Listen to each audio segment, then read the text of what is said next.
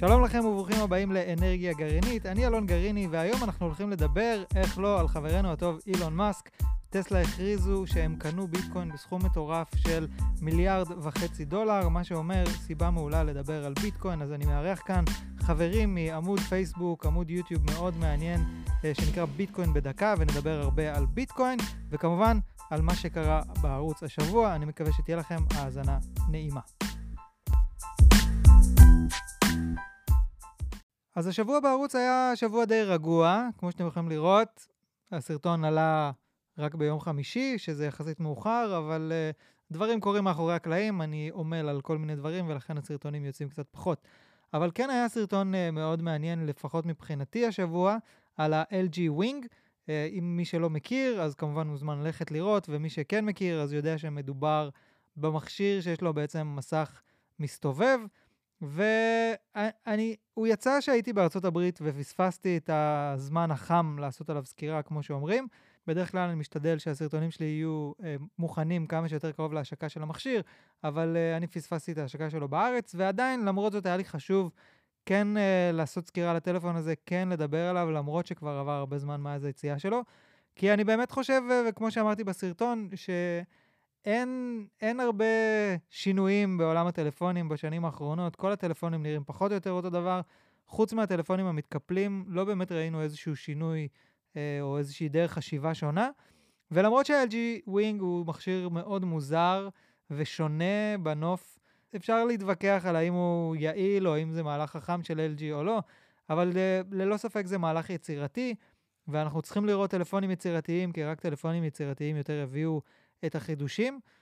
אז מדובר פה במכשיר שבעצם המסך שלו אה, יכול להסתובב על צירו, ואז אנחנו מקבלים מסך נוסף שמסתתר מתחת למסך העיקרי, ובנוסף לזה גם את המסך הראשי לרוחב, במין צורה של מין צלב כזה, הייתי אומר. אה, וזה נראה מאוד מוזר, אבל זה גם מאוד מגניב, והאמת שנהניתי להשתמש בו.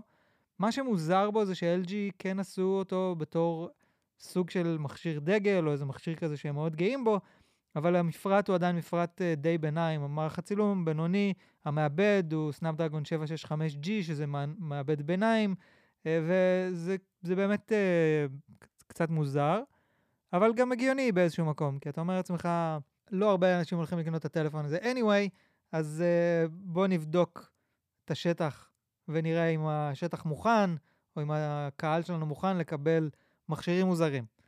ואני סולח לו על העובדה שאין לו מעבד בינה, לו מעבד דגל ושאין לו את המערך צילום הכי טוב, כי זה, כי זה באמת, uh, הסיפור פה הוא אחר, וגם אם שמתם לב בסרטון, אני פחות מדבר על המפרט, פחות מתמקד באיך המצלמה מצלמת, כי זה לא באמת משנה. הרעיון כאן זה להסתכל על טלפון בגישה שונה, וה-LG G-Wing, אה, וה-LG וה-LG Wing עושה את זה באמת בצורה טובה. האמת שזה קצת מצחיק, כי באמת שאיך שקיבלתי את הטלפון הזה, שהתקשרתי ל-LG בארץ, אמרתי להם, תביאו לי לסקירה, אז מיד uh, יום או יומיים אחרי זה יצאו מלא כתבות על כך ש-LG שוקלים uh, להפסיק uh, לייצר טלפונים ולצאת מהתחום הזה בכלל, שאפשר להבין אותם, כי הם די נפלו מהמעמד הדי מטורף שהיה להם לפני כמה שנים. ולייצר טלפונים זה דבר שהוא לא פשוט, הפיתוח של זה עולה הרבה מאוד כסף, הייצור של זה הרבה מאוד כסף, ומה שאתה לא מייצר אחר כך אתה צריך לעשות איתו משהו. אה, וזה מאוד מאוד מסובך, ואפשר להבין למה LG אה, רוצים לצאת מזה. הם גם, זה לא ש-LG עצמה בתור חברה בצרות, ממש לא, יש לה מלא עסקים שהם פורחים בהם, אם זה הטלוויזיות, אם זה המוצרים הלבנים, כמו שזה נקרא, כל המדיחים, מקררים, מכונות כביסה, אה, טלוויזיות בכלל, אין מה לדבר, וכו' וכו', מוצרים לבית שהם מאוד מאוד חזקים בהם, ואם זה ייצור בטריות או עוד כל מיני דברים שאנחנו אפילו לא כל כך מכירים. אז uh, יכול להיות שיש בזה משהו נכון מבחינת אלי של להגיד, אוקיי, זה לא הפורטה שלנו, אולי אנחנו יכולים לשחרר את זה ולהתמקד בדברים שאנחנו טובים בהם, וככה אפילו להרוויח יותר כסף מהדברים שאנחנו טובים בהם. אבל אני עדיין חושב שה-LG Wing שווה בדיקה. אה, אני לא יודע למי להמליץ לקנות אותו, אולי לאנשים פשוט אוהבים דברים אחרים, שונים מהמיינסטרים, אבל uh, באמת uh, הייתה חוויה להשתמש בו ולראות אותו, ו... ובאמת שנהניתי מאוד מהשימוש. טוב, אז uh, אני פה עם uh, שני חברים טובים, חבר אחד שהכרתי לאחרונה, וחבר אחד שאני מכיר כבר מעל עשור, יותר מ... וואו, הרבה יותר מעל עשור. הרבה יותר, מה קרה לך? בעצם... 30 שנה. כן, זהו. כיתה א', מתי זה היה? פלוס מינוס. אז יושבים איתי פה גיא הרמוני וטל, אני לא יודעת את השם המשפחה שלך. טל הראל. טל הראל, והם בעצם אה, מעמוד פייסבוק, יוטיוב, שנקרא ביטקוין בדקה, והם מתעסקים, כמו שאתם יכולים להבין, בביטקוין. הם מנהלים גם קבוצת פייסבוק שנקראת הביטקוינרים בפייסבוק, ששם אפשר אה, להיכנס וללמוד ולשאול שאלות ולהתעניין בכל מה שקורה בביטקוין בארץ ובעולם. וברוכים הבאים לאנרגיה גרעינית, אני שמח שאתם פה, כבוד גדול בשבילי. אה, אני רק אגיד שגיא זה מי שהכניס אותי לעולם של הביטקוין לפני שלוש או ארבע שנים, הוא בא והסביר לי הכל, ואז פתאום אמרתי לעצמי, בואנה, למה, למה אני לא בתוך הדבר הזה? למה אני לא שמה? ואז גיא אמר לי, נכון, למה אתה לא שם? וזהו, ומאז נכנסתי לזה, וזהו, עשינו כמה סרטונים ביחד שקשורים לביטקוין, וגיא, יש לו סרטונים שעשה לפני, ואז לאחרונה נפתח הערוץ הזה ביטקוין לדקה, ומאוד אהבתי אותו, ואני גם אפרסם אותו בקרוב אצלי בעמוד שתוכלו לראות. וכמובן שיש כישורים לכל הדברים שהם עושים פה בתיאור של הפודקאסט. והבאתי אתכם היום כי אני חושב שקרה משהו שמתחבר מאוד לעולם שלי וגם לעולם שלכם, ששווה לדבר עליו, שזה שטסלה הודיעו על כך, דבר ראשון, שהם רכשו אה, ביטקוין במיליארד וחצי דולר, שזה די מטורף, אבל עוד יותר מטורף מזה, זה שהם אומרים שיהיה את האופציה לקנות טסלה בביטקוין. זאת אומרת, דברים באתר של טסלה בביטקוין, לקבל תשלומים בביטקוין, שזה דבר די מטורף, שכמובן מיד הקפיץ את הביטקוין אה, מ... אני חושב, אזור ה-34-5 אלף דולר, נגע ב-48-49 אלף דולר, ועכשיו זה קצת מתאזן חזרה, אבל אה, בהחלט עשה שינוי מאוד גדול. כן. אז, אז כן, כן, לגמרי. קודם כל, תודה, אלון, אה, כיף להיות פה. Uh, אני חושב אבל, מה, בדיוק מה שאתה אומר על טסלה, שזה נותן ל, ל, לאנשים הרבה מאוד ביטחון של בואנה, טסלה fucking טסלה הולכת לדבר, למכור עכשיו uh, רכבים, ואני יכול לשלם בביטקוין, במטבע הזה שעד לא מזמן, מי, מי הכיר אותו בכלל ושמעו עליו רק דברים לא טובים, עכשיו פתאום אנחנו יכולים לעשות איתו, לקנות רכב אמיתי, uh, שזה מטורף, אבל מצד שני זה גם לא משהו חדש. הרבה מאוד למבורגינים לפני כמה שנים הציעו, ומוצרים ש... מוצרים גם אחרים, גם כאן בארץ, כל מיני דברים שיש רשימה... לא, לא גדולה, אבל מכובדת של עסקים, שבעצם אפשר לקנות דרכם אה, מוצרים ושירותים באמצעות ביטקוין. זאת אומרת, כאילו, זה הרבה, מאוד מגניב שבא בחור כמו אילון מאסק, שלא מפתיע אותנו, שהוא זה שבא ואומר, אפשר לקנות uh, מכוניות בביטקוין. הדבר הזה כבר קיים, ויש רשימה של עסקים ישראלים, שאם אתם רוצים ממש לקנות דברים בביטקוין, זה כבר קורה. כן, אז... זה קצת מפתיע אולי שזה קרה רק עכשיו. זאת כן. אומרת, כן. כי טוב, אבל אתם כאילו... אילון מאסק, אה, כן, לא, בסדר, אבל גם אילון מאסק, תראה, אילון מאסק הוא, הוא חלק uh, מהפייפל מאפיה, מה שנקרא, זאת אומרת... זה לטוב או לרע? לא, זה, זה לטוב, תראה, הם קוראים להם מאפיה כי הם עשו הרבה דברים גדולים ביחד, אבל... Uh, מה ש PayPal ניסו לעשות זה בעצם להיות המטבע של האינטרנט, ובהתחלה הם לא רצו להיות uh, מוסדיים uh, ו- ולהתנהג, אלא הם היו mm-hmm. צעירים שחיפשו לעשות uh, disruption. אה, אבל בגלל שהמטבע לא היה מבוזר והם הבינו ועברו תהליך, אז, אז בעצם אה, נולד PayPal כמשהו עכשיו. אבל אה, זה לא שהוא היה רחוק מהעולמות האלה של תשלומים, של מטבע אינטרנטי, mm-hmm. זאת אומרת, זה קצת... מפליא שרק עכשיו הוא כן, באמת עכשיו נכנס. אבל יכול להיות שיש בזה גם היגיון, אתה יודע, כאילו אם אילון מאסק עשה בזמנו איזה 200 מיליון דולר מפייפל, אם אני לא טועה שהוא מכר את זה, mm-hmm. ואז הוא היה כזה איזה מיני עשיר קטן כזה, ועכשיו שהוא הפך להיות הבן אדם הכי עשיר בעולם, הוא אומר, או, עכשיו אני יכול להראות לכם איך עושים בלאגנים בעולם של הכלכלה, בעולם הפיננסי. וכאילו, בוא נראה מה, מה יקרה לעולם שיש כזה בן אדם, שהבן אדם הכי עשיר בעולם הוא פתאום איזה ישות לא ברורה, ש, שיש לה חזון שונה מכל מה שראינו מרוב האנשים, ה, אני מתאר לעצמי, העשירים שראינו עד היום. כן, הוא לא, הוא לא השיר הקלאסי uh, שאנחנו לא. מכירים, הוורן לא. באפט של פעם, שמוכרים uh, סיגריות וקוקה קולה, אלא פה באמת יש uh, טיפוס חדש לחלוטין, מעניין מאוד, שנמצא גם ב, ברמה הרגשית, אני חושב, במקום שהרבה מאיתנו נמצאים, ביחס mm-hmm. שלו. אה, למדינה, לכלכלה, אה, לטכנולוגיה וכולי. ברור. אני חושב שגם ברמה, ברמה הפרקטית הוא גם נגיש. הוא פתאום בן אדם שהוא זמין ברמה של, לא של דונלד טראמפ, אבל הוא פתאום זמין מאוד ברשתות חברתיות, ואפשר צריך להיות מאוד מאוד פופולרי בשביל לגשת אליו, אבל כל אחד יכול לגשת אליו. לך תיגש עכשיו לשירים של פעם, אתה לא יכול לעשות כן, את זה. ויותר מזה הוא גם מדבר בגובה העיניים, כאילו, הוא מדבר כן. כמו שאני ואתה מדברים עכשיו, ולא כמו... כן, היה, אה, פורסם, אה, פורסם איזה סרטון שלו ברשת אה, בימים האחרונים, אה, שהוא מדבר על דודג'קוין, ושם עם כמה חבר'ה ברחוב, כן, כן, כאילו... ראיתי את זה ליד האוטו, שהוא- בדרך לאיזה מסעדה או כן, מצלמים משהו אותו כזה. בטלפון. כן. והוא מדבר וזה, כאילו... אז זה משהו שלא היית רואה פעם. לא, זה גם קצת מלחיץ באיזשהו מקום. נגיד, כאילו ה edgy ות הזאת שלו, בתור uh, בן אדם שמשקיע, אני בתור בן אדם שמשקיע בטסלה, שילמתי את המחיר של אילון מאסק מצייץ איזה משהו דבילי והמניה יורדת ב-10%. אבל uh, אני חושב שזה כאילו דווקא מגניב באיזושהי צורה. אבל אני חושב שיותר ממה שזה מעיד על אילון מאסק, זה מעיד על הכלכלה שלנו, של כאילו, אוקיי, איך אה, משהו שיש לו ערך, כביכול, זז בצורה כזאת מהמם. וולטילית. זאת כן. אומרת, כזאת וולטיליות, זה לא רק ביטקוין. פעם אמרו ביטקוין וולטילי, היום שוק המניות הוא לא פחות. כן. זאת אומרת, אני לא חושב פחות. שהמקרה עם גיימסטופ אה, הראה לנו את זה.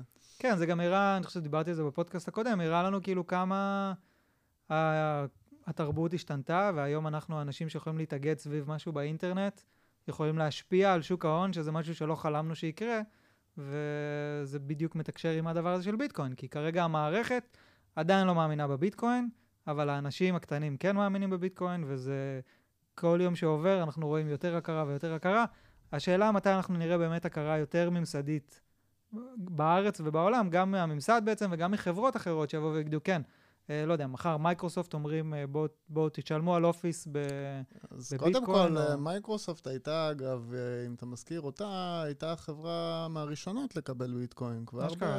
ב-2013 או 2014, מה אתה אומר? מייקרוסופט אה, קיבלה ביטקוין. יש הרבה חברות, גם פייפל בזמנו, היה לה איזה רומן מוקדם עם ביטקוין לפני זה הנוכחי. מהמם. שהיא ממש אפשר לקנות ביטקוין אה, בפייפל. כן. זאת אומרת, אבל אחד הדברים המעניינים, שגם חברות שלאורך השנים כן הציעו לקבל תשלום בביטקוין, לא היו המון אנשים ששילמו. וזה הצד השני של הסיפור. זאת אומרת, אנשים רוצים אה, להדל, בשפה שלנו, להחזיק ביטקוין לאורך זמן. כן. אה, כאילו, כן, אני חושב שזה גם משהו שאתה לימדת אותי, כי, וגם אני חושב שזו טעות שהרבה משקיעים ראשונים עושים בהתחלה, אומרים, כן, אני עכשיו אקנה ביטקוין, זה יעלה ב-10-20 אחוז, ואז אני אמכור, ואני עשיתי אחלה, אחלה תשואה, אבל גם אני חושב שלמדתי את זה ממך, וגם בבורסה בזמן האחרון, הבנתי כאילו שהשקעה לטווח ארוך זה גישה אחרת לגמרי, וזה אומר, אני מחזיק את הדבר הזה עכשיו עשר שנים קדימה לפחות, ואז דבר איתי כשהביטקוין יהיה שווה 100 אלף דולר, או אלוהים יודע עד לאן הוא יכול לעלות.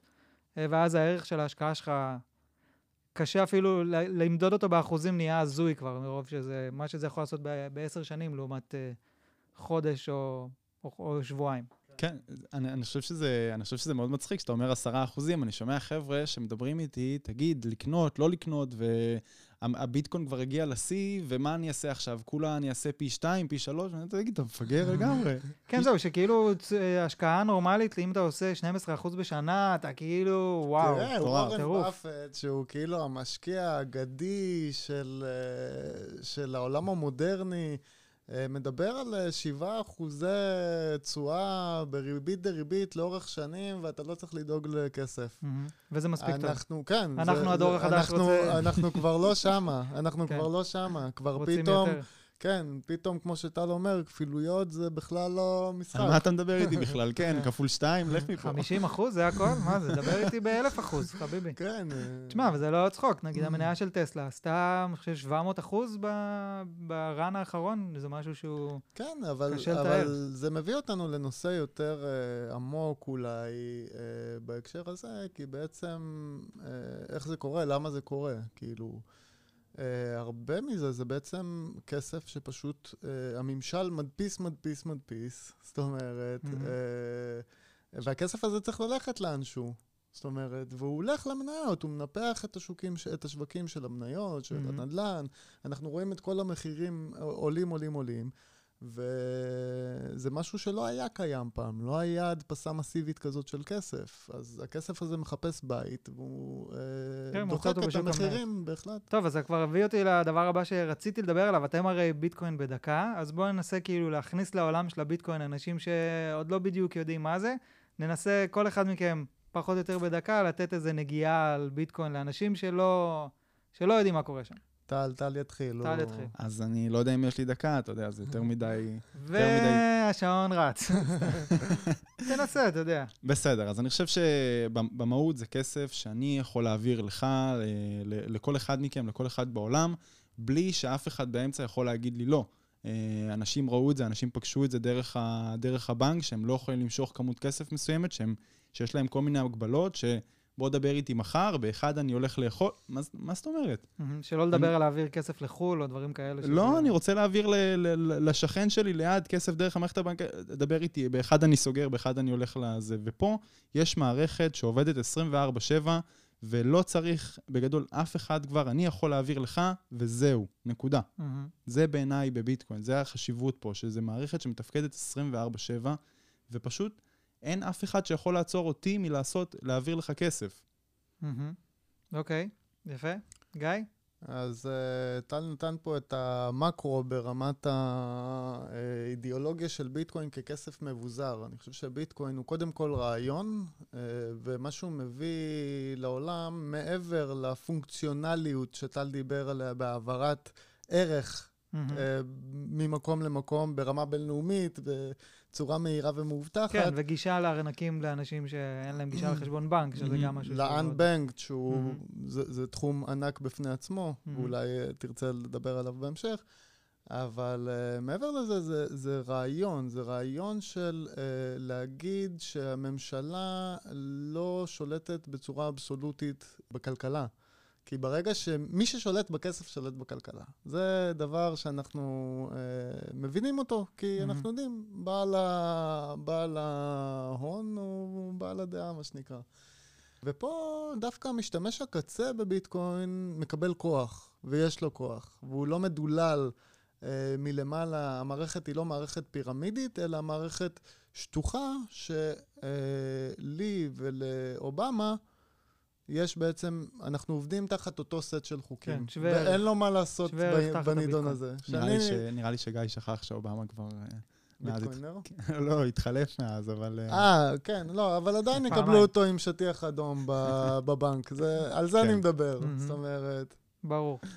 ועלינו לא הסתכלו. ועלינו, נכון. אנחנו... נגיד, אה, זוז הצידה, אתה מפריע. קח מספר. כן, תדבר איתנו. אז יפה, אז כן, אני, אני כאילו, אה, שוב, גיא הכניס אותי לעולם של הביטקוין כבר לפני כמה שנים, ואני היום מסתכל על ביטקוין כמשהו שהוא בלתי נפרד מעולם הטכנולוגיה, כי אני חושב שדבר ראשון, זה כסף טכנולוגי באיזשהו מקום, וזה... הרעיון, אני מאוד מתחבר לעובדה הזאת שמחשב ומערכת של מחשבים מאשרת את המטבע הזה, ושזה מרגיש לי משהו מאוד בטוח ומאוד, אה, אתה יודע, מתאים לעולם שלכיוונו אנחנו הולכים. אנחנו מדברים על, על טסלה, שהיא בעיניי החברה שמובילה את מה שהולך לקרות בעתיד, אם זה מכוניות חשמליות או אנרגיה חשמלית, שזה גם מתחבר לאיזשהו אה, דיון אחר על כך שהביטקוין עצמו, הוא לא בא משום מקום. בשביל לעשות ביטקוין צריך הרבה מאוד חשמל, הרבה מאוד חשמל. וזה זה נהיה מצחיק שאתה, אם פעם היית קורא זהב, אז היית צריך אה, מכונות ואנשים וזה וזה, אז עכשיו אתה צריך חשמל. ושזה בעצם מתרגם להיות הערך של ביטקוין, וראיתי גם כל מיני כתבות על כך שכאילו אמרו, טסלה היא חברה שטוענת להיות ירוקה, אבל היא הולכת ומשקיעה בביטקוין, שזה משהו שצורך כמו מדינה קטנה בשנה. כן, זה... טל גם ייתן את האינפוט שלו תכף, בגלל שהוא עוסק בתחום הקיימות, עוסק. ולומד בקיימות, הוא לומד קיימות, אה, בין השאר.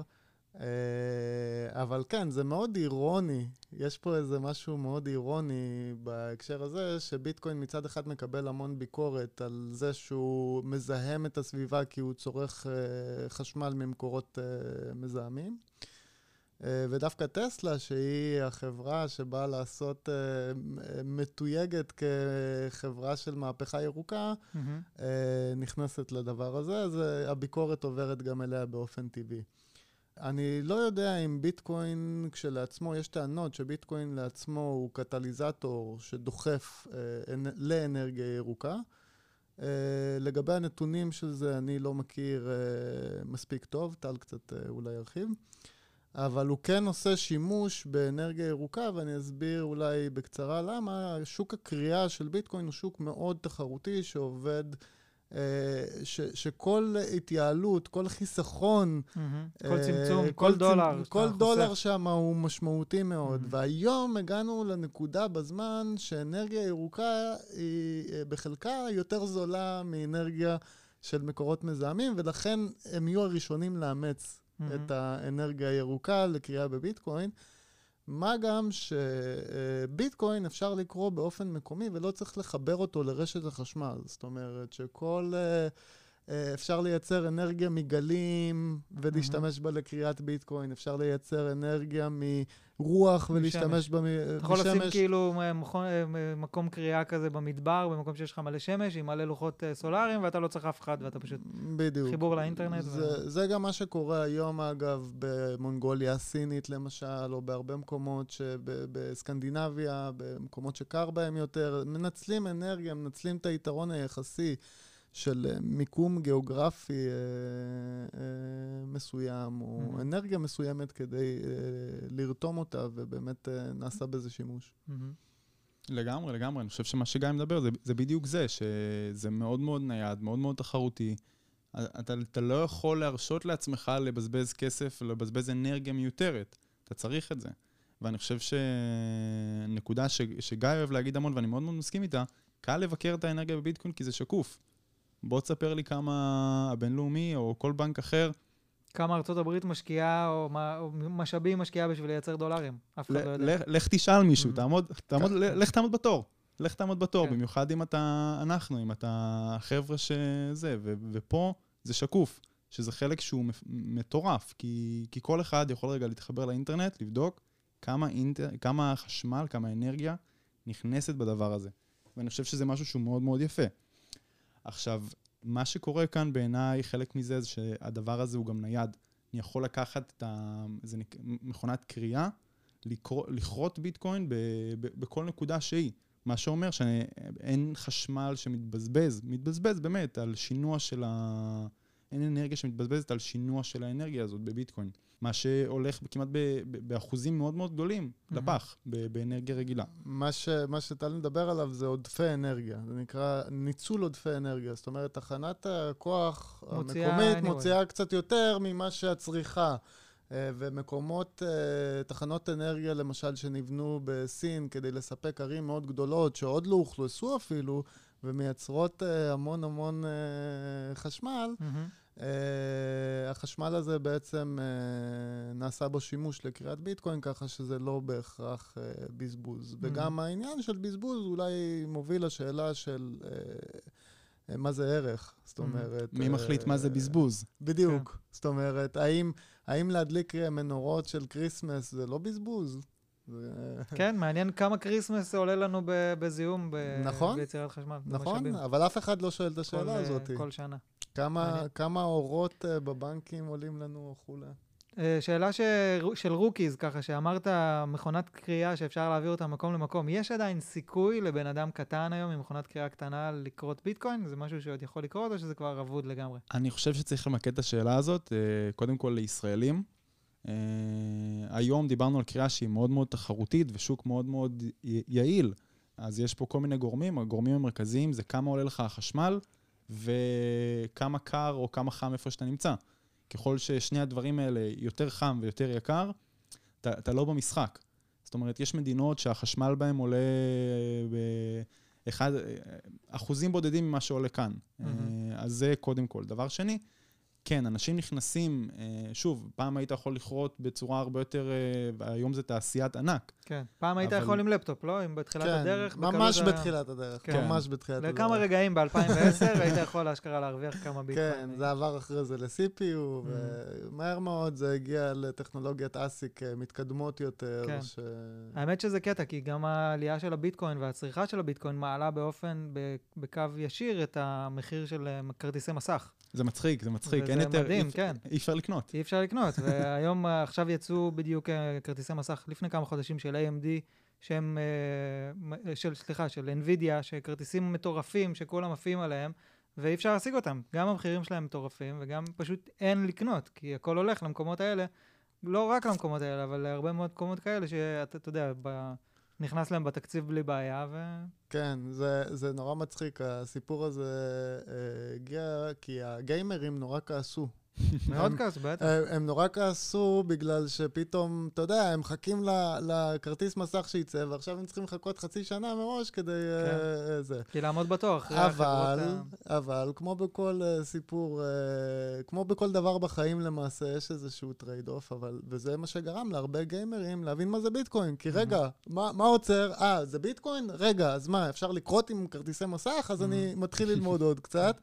ואז אני גם כגיימר קונה קצת ביטקוין ומתחיל לשחק ולהכיר את העולם הזה. המון גיימרים הם היו אה, חוד החנית של, ה, של התחום של המטבעות הדיגיטליים באופן כללי. מהמם. ככה שהם קצת הפסידו כי הם היו צריכים לחכות לכרטיסי מסך וקצת הרוויחו כי הם היום יכולים לקנות קצת יותר כרטיסי מסך. אני חושב רגע, בהיבט של האנרגיה, יש משהו שהוא מאוד יפה של חוות הקריאה האלה, בעצם אנשים הולכים וחוברים לחוות של אנרגיה ירוקה, ובעצם משתפים ביחד מהמם. פעולה של, כדי לייצר אה, אנרגיה, אנרגיה ירוקה, ובעצם אתה רואה מספרים של אה, 70, 80 אחוז, אני לא זוכר את המספר המדויק, אבל משהו בטווח הזה, של מכל האנרגיה בביטקוין, מגיעה מהמקומות האלה.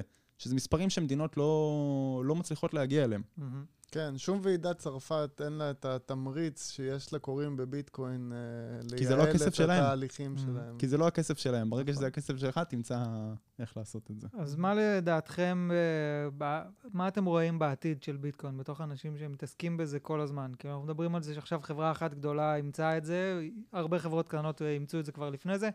איפה, לאן זה הולך בשנים הקרובות? אני חושב קודם כל ש... שמהלכים כמו של טסלה ואילון מאסק ו... וחברות ענק שאנחנו שומעים, עכשיו יש אה, חברת בנק השקעות אחר ש... שאיפשהו דוחף את אפל גם כן למכור אה, מוצרים. בתמורה לביטקוין. אני חושב שמהלכים כאלה אה, מתניעים, הם כדור שלג. אנשים, בעלי עסקים, רואים את טסלה, אחלה, אני גם בעסק הקטן שלי, בצרכניה, בוואטאבר, אני גם רוצה. אם טסלה עושה את זה, אני גם, אבל אני חושב שזה משהו שאנחנו נראה בזמן הקרוב. זה מהצד הזה של הצרכנים ומהצד של המוכרים, כי פתאום יש הרבה מאוד אנשים שקנו פעם, המחיר של ביטקוין עלה, ועכשיו אני רוצה בעצם להשתמש בכסף הזה. אז אני גם, יש גם uh, מקום של אנשים שרוצים לממש uh, ביטקוין ולהשתמש בו, מהמם, וגם מקום של אנשים של, היי, אני, אם טסלה עושה את זה, אני גם צריך לעשות את זה. מהמם. אז זה חלק אחד. אני לגמרי, זה מה שקורה לי עכשיו. אתם גם אמרתם פה לפני שהתחלנו להקליט, הם אמרו לי, כן, אתה יודע שזה נפוץ שאפשר לקבל תרומות בביטקוין מזה. אני, אחרי שאנחנו מסיימים את הפודקאסט הזה, הולך לסדר את זה באתר שלי ובכישורים ביוטיוב. להכניס כתובת. כן. תראה, אני, אני מאוד מסכים עם uh, טל ב- בדימוי הזה של הכדור שלג. אני חושב שהתודעה הקולקטיבית הולכת ומעכלת את ביטקוין. יש הרבה דברים שהופכים לברורים מאליהם. זאת אומרת, אם פעם ביטקוין היה איזה פאני מאני של אה, פריקים באינטרנט שהיו צוחקים עליהם, הוא כבר לא? היום זה, תראה, אני לא יודע מי צוחק על אילון מאסק, שיצחק, אתה יודע. לא, נראה לי טיפה פחות. אה, אתה יודע, אני רק. בשבוע האחרון, כאילו, דבר ראשון, יצא לי הרבה פעמים להסביר לאנשים, וכל הזמן פתאום שואלים אותי, רגע. מה זה, איך זה עובד, מה הקטע? ופתאום אה, גם לאחרונה, עכשיו בעיקר אחרי הקפיצה האחרונה, פתאום טלפונים. תגיד, איך נכנסים לזה, איך זה עובד, מה הסיכון, מה פה, מה כן, שם? כן, כל גל כזה מביא איתו עוד מתעניינים. מהמם. אבל זה לא רק עוד מתעניינים שרוצים לדעת איך זה עובד, והאם כדאי, והאם ההשקעה היא טובה, האם היום, האם מחר, אתה יודע, כל השאלות הרגילות שאנחנו שומעים. כי uh, המשחק עכשיו הוא גם משחק של גדולים. זאת אומרת, המון משקיעים, וול סטריט, אתה יודע, פייפל, פידליטי, אה, חברות ענק, אה, רגולטורים, זה לא רק עכשיו גם התעשייה, זאת מהמם. אומרת, גם הצד הרגולטורי, גם בישראל, גם במקומות אחרים בעולם. הם מתחילים אה, אה, להפנים שיש דברים שהם לא יכולים לעצור ושהם צריכים להתמודד איתם. בלתי זאת אומרת, נמנעים. אה, כן, והם צריכים להתמודד איתם וצריכים לתת את המענה וצריכים לתת את המסגרת הרגולטורית ואת הכללים Mhm. שעל פיהם אנחנו צריכים לנהוג. והדברים האלה מתקדמים גם הם. זאת אומרת, אתה יודע, כבר בדיונים בסנאט האמריקאי, שהוא בסופו של דבר קובע Mhm. אה, הרבה אה, לעולם, אה, אתה רואה את הדברים אה, מתקדמים, את הידע, השאלות מתחדדות, זאת אומרת... אה, ברור. אז uh, כאילו, אתה אומר שהרגולציה כבר קורית וזה, עדיין יש, מרגישים שיש קושי עדיין בשימוש בביטקוין. זה לא משהו שהוא עובר בקלות. בתור, אה, אתה יודע, אם אתה רוצה לקנות ולשמור, אז אין לך בעיה, אתה קונה פעם אחת, אתה שם אותו איפשהו ואתה לא מתעסק Mhm. בזה יותר. אבל uh, באמת uh, פעולות של קנייה ומכירה זה עדיין טיפה יותר מסורבל, וכאילו יש עוד דרך עד שזה יהפוך להיות, uh, לא יודע מה, פייפל או כרטיס אשראי או משהו כזה. כן, הנושא הזה של uh, תשתיות הוא, הוא נושא שצריך להבין אותו. אני אתן דוגמה ששמעתי מאנדריאס אנטונופולוס, שהוא באמת uh, מרצה בחסד ו- ופעיל בתחום. Uh, והוא נתן דוגמה מאוד טובה, בגלל זה אני מעדיף את שלו, למרות שיש לי משלי. אה, הדוגמה שהוא נתן הייתה על... אה, כשנכנסו רכבים, אה, אז הם נסעו על שבילים שהיו מיועדים לסוסים. לא היה רמזורים. לא היה כבישי אספלט, לעשות פנייה זה... סוס עושה פנייה מאוד חדה, אין לו בעיה. מכונית צריכה פנייה אחרת. אה, המכוניות היו שוקעות בקקי של הסוסים.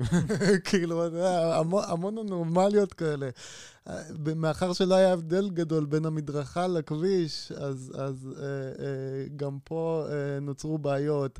אז הייתה רגולציה של דגלן שהולך לפני הרכב מקדימה ומסמן את בואו שלא יהיה זה, והרבה דברים שזה. אז כשאנחנו מביאים טכנולוגיה חדשה לרכב על תשתית ישנה, יש בעיות. והיום ביטקוין רוכב על התשתיות הפיננסיות הישנות, על גבי הבנקים, אנחנו צריכים לתקשר כדי להעביר את הכסף Mhm. אה, בין ביטקוין לבנק, אבל התשתיות החדשות של ביטקוין נבנות, ואנחנו רואים את זה כל הזמן. מי, ש, מי שמחוץ לתחום, הוא רואה את המחיר עולה ויורד. מי שבתוך התחום, רואה את התשתיות נבנות. וזה אולי אחד ההבדלים הגדולים. במה אז אה, אנחנו בתהליך, כאילו, אנחנו בכיוון הנכון, אבל אפשר להגיד. התהליך כי קורה. טל גם אה, אמר לי קודם שקרה משהו גדול בביטקוין בארץ. אה, נכון, לפני רגע ביטקוין בארץ, אני חושב בהמשך רגע למה שגיא אמר, שמאוד, אתה יודע, יש טכנולוגיות שהיה מאוד, שהצירי הלידה היו יחסית פשוטים, כי יש מדינה שבאה ותמכה, כי היא רוצה לקדם את זה. מהמם. כאן זה משהו שנולד בצורה אנונימית, ובכל מקרה זה קורה. אה, טסלה, פייפל, ו, וזה קורה. אז מה שקורה כאן בארץ, אה, יש מכשולים שהם, שהם לא פשוטים, ובגלל זה אנחנו שומעים הרבה מאוד פעמים את השאלה של, שמעתי שהבנק לא יקבל את הכסף שלי. זה בדיוק הכתבה שהייתה זה- בכאן לפני כמה זמן, וראו אנשים שיש להם ביטקוין שניגשים לבנק, והבנק אומר, "אה, כסף מביטקוין לא אצלנו, אני לא מתעסק עם זה. כן, כן. Mhm. אה, אנשים נתקלים גם מהצד הזה וגם מהצד השני של אה, הבנק לא מסכים לאנשים לקנות ביטקוין דרך חברות לגיטימיות שעובדות דרך, תחת רגולציה ישראלית, שזה לעצמו רגע משהו שצריך להבין מה, זו, מה זאת אומרת? זה הכסף שלי, אבל... אז, אז הדבר הזה, אה, עכשיו מה, ש, מה שאושר בכנסת, צו אה, איסור הלבנת הון, שבעצם רגע מסדיר את ה, מה צריך לקרות ומה לא צריך לקרות, ובעצם בחודשים הקרובים אה, אנחנו כנראה נראה פה מהפכה ב, מבחינת ישראל. ש, מהמם. שאני מקווה שלא נשמע יותר את השאלה הזאת, מה, מה יקרה עם הכסף שלי אחרי ביטקוין, הבנק יקבל, הבנק לא יקבל, מהמם. ש, שלא ניגע מה בזה. הצו הזה בעצם אומר אבל? הצו הזה מספק בהירות אה, לבנקים מה מותר ומה אסור. מהמם.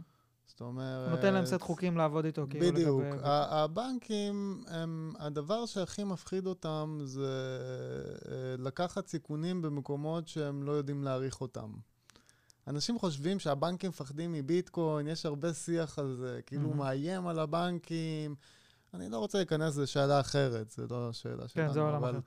אבל ב- בהקשר הזה, זאת אומרת, הבנקים, למה להם לקחת סיכונים שהם אה, אה, לא מכירים ואף אחד לא נותן להם, אה, הם אחרי זה יקבלו בראש בשמך, כן. למה להם? על Mhm. איזה שקל וחצי שמישהו רוצה להעביר מפה לשם? אז זה לא העניין, ובאמת זה לא היה אה, נמנע שתגיע אה, הסדרה על העניין הזה, ואני Mhm. מאמין שכשהחוק הזה ייכנס... אז בעצם ה- הצו הזה יקל על הבנקים לקבל כסף בלי שהם, כאילו הם רוצים לשמור על עצמם, והצו הזה נותן להם את האופציה כאילו לקבל כסף מביטקוין בלי שאחר כך יגידו כן, להם, הפרתם. להם, הוא אומר להם, אם uh, עבר מעל סכום מסוים, תגידו לנו. אם uh, הסכום עבר, uh, הגיע ממקור כזה או אחר, תגידו Mhm. לנו. זאת אומרת, ואז הם ברור, יודעים. כי עדיין באמת יש הרבה מאוד סיכון של הלבנת הון, של כסף של עבריינים וכל מיני דברים כאלה, כסף שבא ממקומות לא חוקיים, כן, בתוך כמו- ביטקוין, וזה באמת... אה, כמו- אני חושב שאחת התגובות הראשוני, הראשונות שראיתי זה שהעבריינים הולכים לקנות טסלה עכשיו, שהם יכולים כאילו להיפטר מהביטקוין שלהם, ופתאום נראה פה, אה, פה בעולם, אתה יודע. אז במקום סובארו פשע, נראה טסלה פשע. כן. או, אתה יודע, או במקום... אה, טוב, עזוב אותך. בוא לא ניכנס לעולם. כן. חבל חבל עלינו, יש לנו פנים יפות. חבל לתת רעיונות. כן. הם לא יודעים איפה אנחנו. סתם אני אומר. אה, זהו, זה מעניין מאוד, אני חושב שגם מה שקרה עם ביטקוין ב... בזמן האחרון הוא מאוד מעניין, אני חושב שגם כן, הרבה מבטים הופנו לביטקוין בזמנו, לפני ארבע שנים שאני נכנסתי לזה, זה פתאום הגיע ל... אני חושב שזה הגיע ל-20 אלף דולר, ואז ירד והתייצב באזור ה-9,000 דולר, ופתאום כזה כולם אמרו, וואו, רגע, מה זה? איך יכול להיות שזה 9,000 דולר? ואז מלא אנשים נכנסו פנימה, אה, ואז עכשיו, ממש לפני חודש או משהו כזה, פתאום הייתה עוד איזו קפיצה מאוד גדולה, שאני חושב שדיברתי על זה פה איזה, באיזה פודקאסט, שיש איזה תהליך שנקרא having, שזה בעצם הפרס שכל בלוק אה, שנסגר אה, על ידי אה, מחשב כזה או אחר מקבל כשהוא, כשהוא סוגר, הוא בעצם יורד בחצי. וזה- ובסופו של דבר ראיתי כל מיני סרטונים שמראים את הסטטיסטיקה של זה, שכמה חודשים אחרי התהליך הזה, הערך של הביטקוין עולה, כי מן הסתם יש פחות הזרמה של ביטקוין לשוק, אז הערך שלו יותר גבוה. אבל לדעתכם, עוד דברים שכאילו גרמו ל- לביטקוין פתאום לקפוץ ל-30 אלף דולר? אה, אני חושב שגם אה, חוץ מטסלה היו מהלכים שקצת אה, קדמו לזה, אם זה היה פייפל, פייפל היה. חדשות שקצת... זהו, אני פספסתי את זה באיזשהו מקום, אני חושב שאולי שמעתי על זה אתמול פעם ראשונה, מה, מה קרה שם בעצם? פייפל בעצם היום מאפשרת, כרגע זה רק לאזרחי ארה"ב, אבל באופן כללי זה גם, אני מאמין שזה ייפתח גם כן. לציבור הרחב. זה קרה בסוף שנה שעברה, בסוף 2020 למעשה, שפייפל אפשרה לקנות uh, ביטקוין בפלטפורמה שלה. זאת אומרת, דרך, היום... כמו קוינבייס וכאלה. כן, זאת מהמם. אומרת, אה, זה קצת שונה, כי זה לא זירת מסחר, אלא אתה uh, באמת uh, קונה, ו- ופייפל מחזיקה עבורך את הביטקוין. כן, זה קצת מוגבל יותר מלקנות, אני לא, אני לא יודע אם לקנות ולמכור זה פעולה, זה המילה הנכונה, אבל בגדול זה כן. כן, אתה, אתה יכול לקנות ביטקוין בפייפל, היא תחזיק את זה עבורך. זה נכון. קצת שונה ממודלים אחרים, אבל זה, שוב, זה לא השיחה שלנו עכשיו. כן, למרות שזה גם מה שהם עושים עם כסף. כאילו, אתה אה, יכול בחשבון כסף שלך, בחשבון בנק שלך. בכסף אתה אף פעם לא מחזיק את הכסף בעצמך. זה אחד ההבדלים הכי גדולים בין ביטקוין לכסף, כי ביטקוין זה כסף שאתה מחזיק בעצמך. אולי חשוב להגיד, ואני מנסה להגיד את זה בכל מקום, שעם החירות שביטקוין מאפשר, באה גם אחריות על זה שאתה זה שמחזיק את הכסף כן. וצריך ללמוד. בגלל זה עקומת הלימוד, ובגלל זה יש את החשש הטבעי והבריא. אנשים שחוששים בביטקוין, בהתחלה שלהם, אני אומר, אתם במקום טוב. כן. אם אתם לא חוששים להחזיק ביטקוין, אם אתם חושבים, אה, יאללה, נקנה זה, כנראה חסר שלא עשיתם, אה, בדיוק. עכשיו, עכשיו כנראה היה. ש- שתגיעו לסיפור כזה. כן, עכשיו, היה- עכשיו היה את הבחור שביקש מהעירייה, ת, תעזרו לי ל- למצוא את הארד דיסק ש, שזרקתי פעם לפח, שהיום יש Mhm. שם מיליוני, מאות מיליוני דולרים. כן. אז יש את זה, ולא חסר סיפורים על אנשים שאיבדו את המפתח שלהם פשוט, או כן. שפרצו להם בזמנו, פרצו וגנבו את הכל. אני מכיר אה, סיפ- סיפורים על אנשים שקרו בתחילת הדרך, ופשוט יום אחד מישהו פרץ להם למחשב ולקח להם את כל הביטקוין ונעלם, אתה יודע. אז עוד זה היה סכומים קטנים, היום בטח הבן אדם רוצה להרוג את עצמו, כאילו, ממה שנגנב לו. אבל זה באמת, האחריות עוברת אליך. אם אתה עכשיו מחזיק את החסכונות שלך, זה לא כמו הכסף שבבנק, שאם חס וחלילה קורה לו משהו, אתה אומר, בנק, מה עשיתם עם הכסף שלי? תחזירו לי אותו, או משהו כזה. אה, פה הלך, אז זה עליך לגמרי, 100%. ואין אין ביטוח ואין שום אז, דבר. אז אולי, אולי אה, לסבר נקודה, כי דיברנו גם על תשתיות, אז יש היום גם גופים, כיום בארצות הברית ובאירופה ובמקומות קצת יותר מתקדמים, אני מאמין שזה יגיע לכל העולם, יש גופים שיכולים להחזיק עבורך את הביטקוין וגם הם מבטחים אותו. זאת אומרת, אתה משלם על זה בטח גם, לא? אתה. אתה משלם על זה, יש כל מיני, בגלל שביטקוין הוא כסף שניתן לתכנות, אז כמעט כל מה שאתה יכול לחשוב לעשות איתו, יכול להיות שנגיע לנקודה בזמן שזה אה, אה, יהיה אפשר לעשות. אז אה, באמת, אותם גופים מספקים אה, גם אה, משמורת למטבעות וגם אה, ביטוח למטבעות, ואפשר לעשות את זה בכל מיני דרכים, גם בצורה כזאת שהם לא יוכלו להזיז אותם לבד בלי אישור שלך, בלי חתימה שלך. מהמם. אז באמת אה, קיימים פתרונות והם אה, אה, בתנועה כל הזמן. אני חושב, ש... אני חושב שהדבר הזה, זה מצחיק. השאלות הראשונות ש... שאנחנו שומעים כביטקוין בדקה זה, תגידו, איפה קונים ביטקוין? מהמם. אנשים מאוד לא מבינים את הנקודה שגיא מדבר עליה, שהיא אחריות. זה לא כסף, כאילו, זה לא עוד סוג של כסף, זה לא עוד סוג של מניה, זה משהו שהאחריות פה, היא עלינו. מהמם. וזו נקודה שהיא סופר חשובה להבין. אתם לא... זה, וה, והפתרונות האלה, הם עולים קצת כסף, נכון, אבל הם יכולים לחסוך המון כאב ראש, המון. טוב, יפה מאוד, זה ממש אה, מעניין. אני חושב שאנקדוטה מעניינת, עשיתי ככה חישוב קל, כי טסלה אמרו שהם, שהם קנו במיליארד וחצי, אנחנו לא בדיוק יודעים מתי ובכמה הם קנו, אבל הערכות באינטרנט אומרות שהם קנו בין uh, מחיר של 30 ל-35 אלף דולר לביטקוין, ואם הם השקיעו מיליארד וחצי, אז לפי השער של הביטקוין אתמול, הם קנו בערך 44 אלף ביטקוין. ורק מזה שהם הודיעו שהם קנו את הביטקוין, עם העלייה של זה, הם כבר הרוויחו מעל חצי מיליארד דולר, וכבר יש להם מעל שני מיליארד דולר בביטקוין. וזה פשוט מטורף לגמרי. אה, אני, אני לא יודע, אני חושב שיכול להיות שבאיזשהו מקומות זה, זה יהיה לא חוקי או משהו כזה, שחברה מקפיצה לעצמה את הערך של הדברים על ידי זה שהם אומרים שזה מה שהם uh, קנו, אבל אני חושב שזה אנקדוטה מעניינת. שוב, אני לא ממליץ בשום צורה כן או לא uh, אם, אם להשקיע בביטקוין, אני חושב שזו החלטה אישית של כל אחד, ובאמת צריך להבין הרבה יותר ממה שדיברנו כאן היום, אבל אני חושב שבסופו של דבר זה בהחלט אנקדוטה מעניינת למה שקורה עם כסף ומה זה כסף בימינו. תודה רבה שבאתם, זה יצא מאוד מעניין, ואם אתם רוצים ללכת לראות עוד דברים, אז אתם מוזמנים כמובן ללכת לביטקוין בדקה, שם אפשר ללמוד על התחום הזה הרבה יותר לעומק, ואני חושב ששם תמצאו ממש את כל מה שאתם צריכים לדעת. אז גיא, טל, תודה רבה שבאתם. תודה שהזמנת אותנו. תענוג.